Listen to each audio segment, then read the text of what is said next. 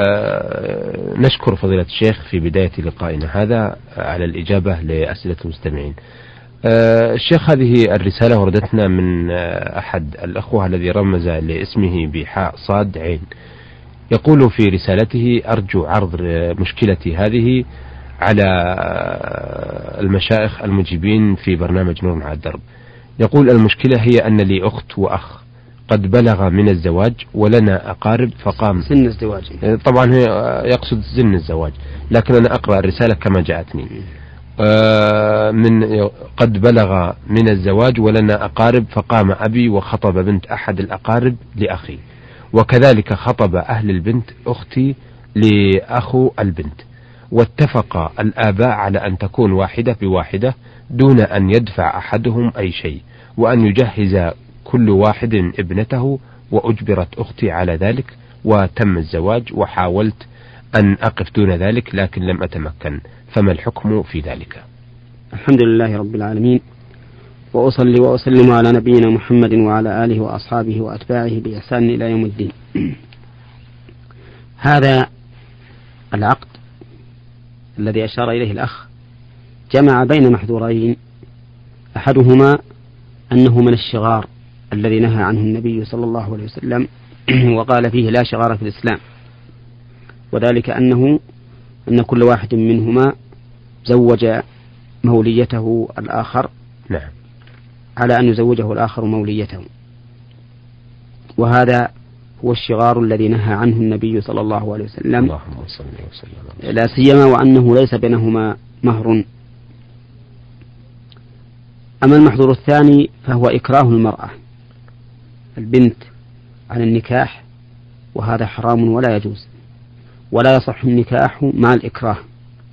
لقول النبي صلى الله عليه وسلم لا تنكح البكر حتى تستأذن نعم. ولا تنكح الأيم حتى تستأمر. وسئل عن إذن البكر فقال أن تسكت. في رواية إذنها سماتها. نعم. وفي رواية المسلم البكر يستأمرها أبوها. فنص النبي عليه الصلاة والسلام في هذا الحديث على البكر ونص على الأب. وفي هذا دليل على ضعف قول من يقول من أهل العلم إن البكر يجوز لأبيها أن يجبرها على النكاح.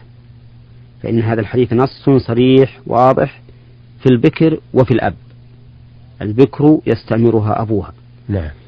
لهذا لا يجوز للمسلم أن يجبر ابنته على النكاح سواء أكانت بكرا أم ثيبا. وفي هذه الحال إذا كان يعرض عليها الخ... الذين يخطبون الخطاب ولكنها لا تقبل في هذه الحال لا إثم عليه.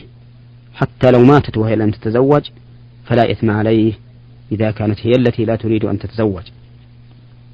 إنما الإثم إذا رغبت أن تتزوج بشخص كفء في دينه وخلقه ثم يأتي الأب ويمنع من ذلك فإن هذا حرام عليه ولا يجوز.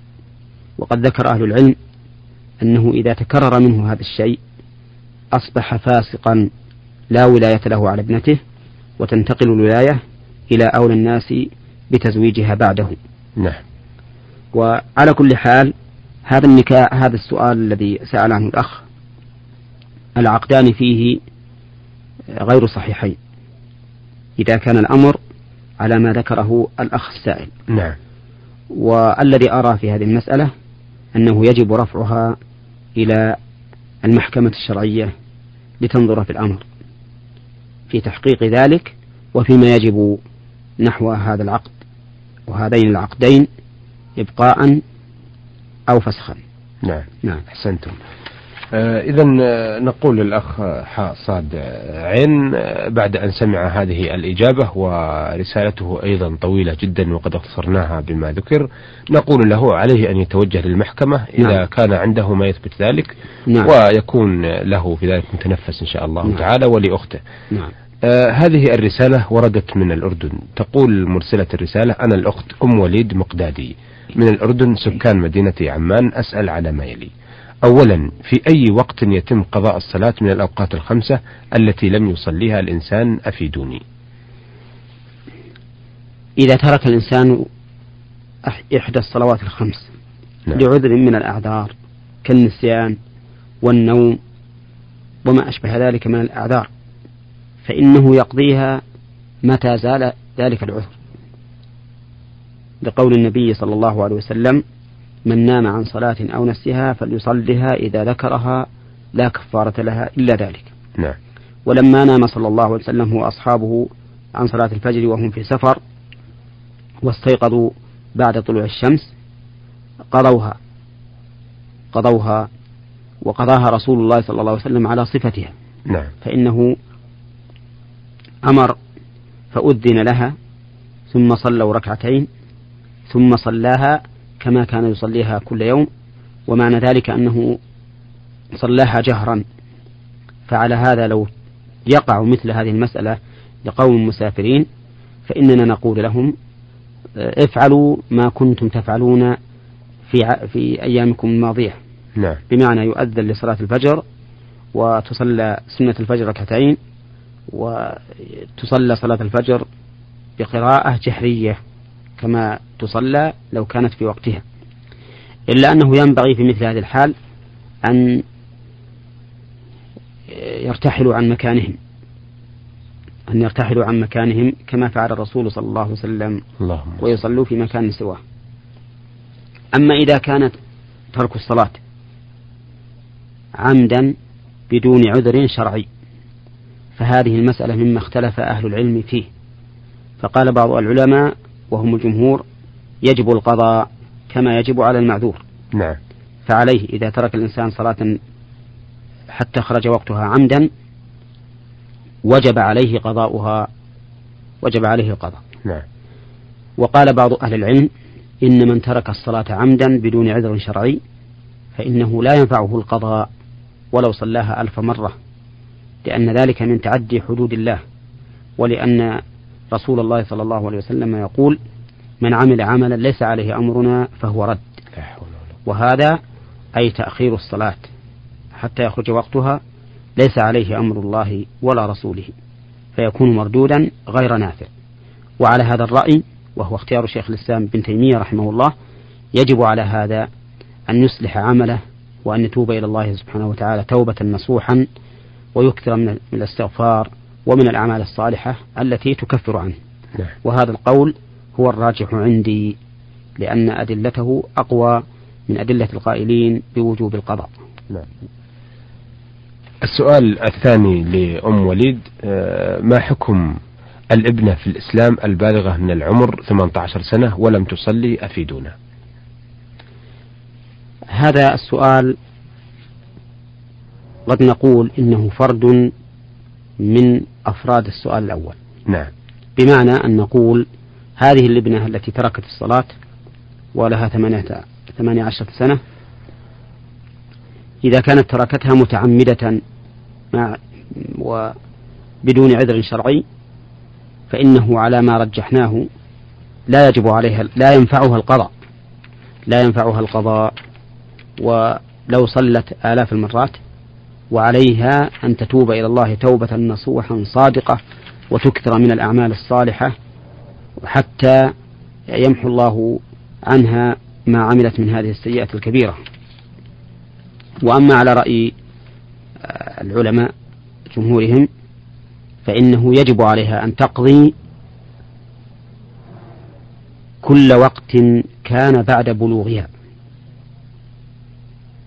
فالأوقات التي تركتها بعد بلوغها يجب عليها قضاؤها هذا عند الجمهور سواء تركتها عمدا لعذر شرعي أو لعذر أم لعذر شرعي نعم. ولكن الصحيح الذي اخترناه هو أنه إذا كانت تركتها عمدا بدون عذر شرعي فإنها لا تقضي لأنه لا ينفعها القضاء نعم. والبلوغ كما هو معروف عند أهل العلم يحصل بواحد من أمور أربعة بالنسبة للمرأة نعم. وهي الإنزال إنزال المني وإنبات شعر العانة وتمام خمس عشرة سنة على القول الراجح نعم. والرابع الحيض نعم. نعم. أحسنتم أه تقول في الفقرة الثالثة أنني أبعث بالشكر الجزيل للقائمين على برنامج على الدرب ونحن نشكرك يا أخت أم وليد على استفسارك وحرصك على أمور دينك وتحية لك هذه رسالة من طالب علم وقع رسالته بطالب علم. يقول كيف يكون غسل الجنابة؟ غسل الجنابة له صفتان واجبة ومستحبة. أما الواجبة فأن يغسل الإنسان بدنه كله لقوله تعالى وإن كنتم جنبا فاطهروا فإذا غسل الإنسان بدنه كله على أي صفة كانت؟ بنية. أجزأه ذلك. ومن المعلوم أن المضمضة والاستنشاق داخلان في هذا لأن الأنف والفم في حكم الظاهر لا في حكم الباطن. نعم. ولهذا كان الرسول عليه الصلاة والسلام يتمضمض ويستنشق في الوضوء وهذا كالتفسير لقوله تعالى فاغسلوا وجوهكم.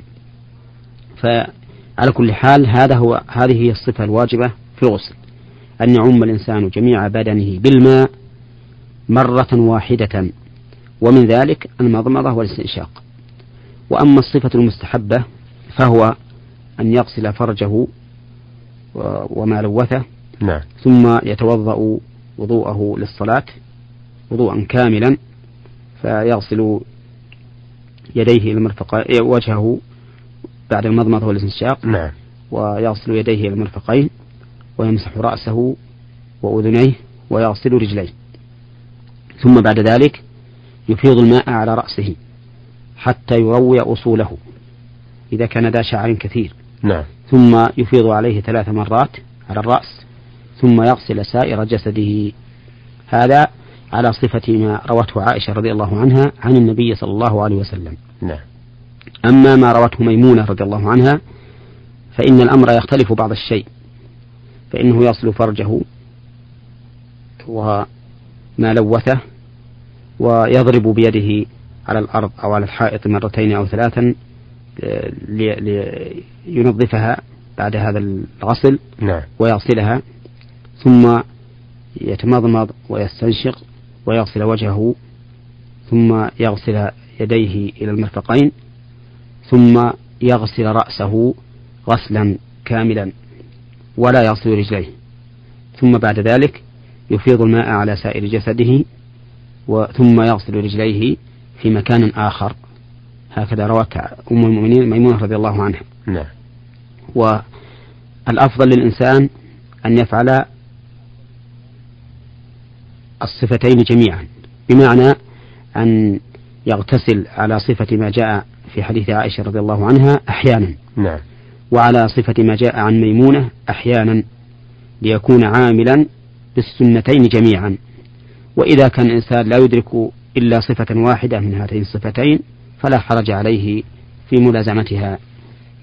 والله موفق. آه طيب هل يلزم آه مثلا إعادة الوضوء للصلاة بعد آه الغسل للجنابة؟ لا يلزم. لأن لا. الإنسان س لا يلزم. أحد أما القبل أو الدبر. هذا لا يلزم. لأن النبي صلى الله عليه وسلم لم يكن يتوضأ بعد الغسل. نعم.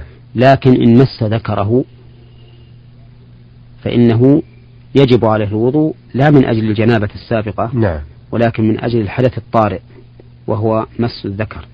نعم. إذا قلنا بأن مس الذكر ينقض الوضوء لأن المسألة ذات خلاف, ذات خلاف بين أهل العلم. نعم.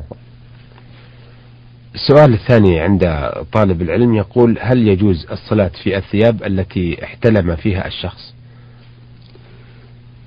الجواب نعم يجوز أن يصلي في الثياب التي احتلم فيها إلا أنه ينبغي أن يغسل المني إن كان رطبا ويفركه إن كان يابسا. نعم.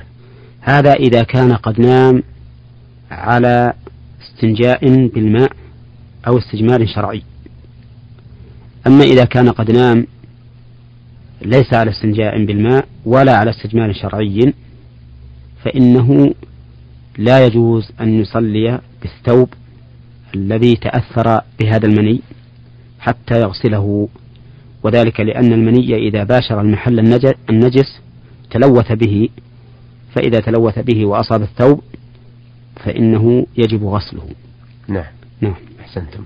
آه السؤال الثالث يقول ما حكم جلوس العائلة برجالها مع مع عائلة أخرى برجالها؟ وهذا فيه جلوس الأجنبي مع الأجنبية.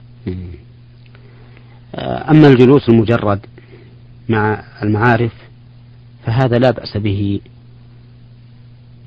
لكن إن لزم منه تبرج أو كشف وجه أو غيره مما لا يجوز كشفه للأجانب فإنه لا يجوز من هذه الناحية. نعم. لما في ذلك من الفتنة أو ارتكاب المحرم بكشف الوجه وما يجب ستره. لأن القول الراجح من أقوال أهل العلم أنه لا يجوز للمرأة كشف وجهها إلا لزوجها أو محارمها. وأما من ليس محرما لها ولا زوجا فلا يجوز لها أن تكشف وجهها لأدلة ليس هذا موضع ذكرها. وقد كتبنا في ذلك رسالة طبعت مرتين. نعم, نعم. أحسنتم. آه يقول آه الكتب الدينية غالية مثل تفسير ابن كثير والصحيحين فكيف للشباب أن يتثقفوا في دينهم؟ مسألة كونها غالية هذا أمر نسبي في الحقيقة. يختلف باختلاف البلدان وباختلاف حال الشخص. لكن هي موجودة ولله الحمد في المكاتب. نعم. فبإمكان الشاب الحريص أن يذهب إلى أي مكتبة ويجد بغيته هذه نعم وإذا لم يكن عنده مكتبة في بلده فإنه إن كان يستطيع أن يشتري فليشتري وإلا فإنه يجوز أن يعطى من الزكاة ليشتري بها ليشتري بها هذه الكتب التي يحتاجها في دينه. نعم. نعم. أحسنتم. أيها السادة إلى هنا نأتي على نهاية لقائنا هذا الذي استعرضنا فيه أسئلة السادة المستمعين حاء صاد عين ويسأل عن مسألة شغار ورسالة أم وليد مقدادي من الأردن من عمان وأخيرا رسالة طالب علم واستفسر عن عدة أسئلة. آه، استعرضنا هذه الرسائل مع فضيلة الشيخ محمد الصالح العثيمين الأستاذ بكلية الشريعة في القصيم وإمام وخطيب الجامع الكبير بعنيزة. شكرا لفضيلة الشيخ وشكرا لكم أيها السادة وإلى أن نلتقي نستودعكم الله والسلام عليكم ورحمة الله وبركاته. نور على الدرب. برنامج يومي يجيب فيه أصحاب الفضيلة العلماء على أسئلة المستمعين الدينية والاجتماعية. البرنامج من تقديم وتنفيذ سليمان محمد الشبانة.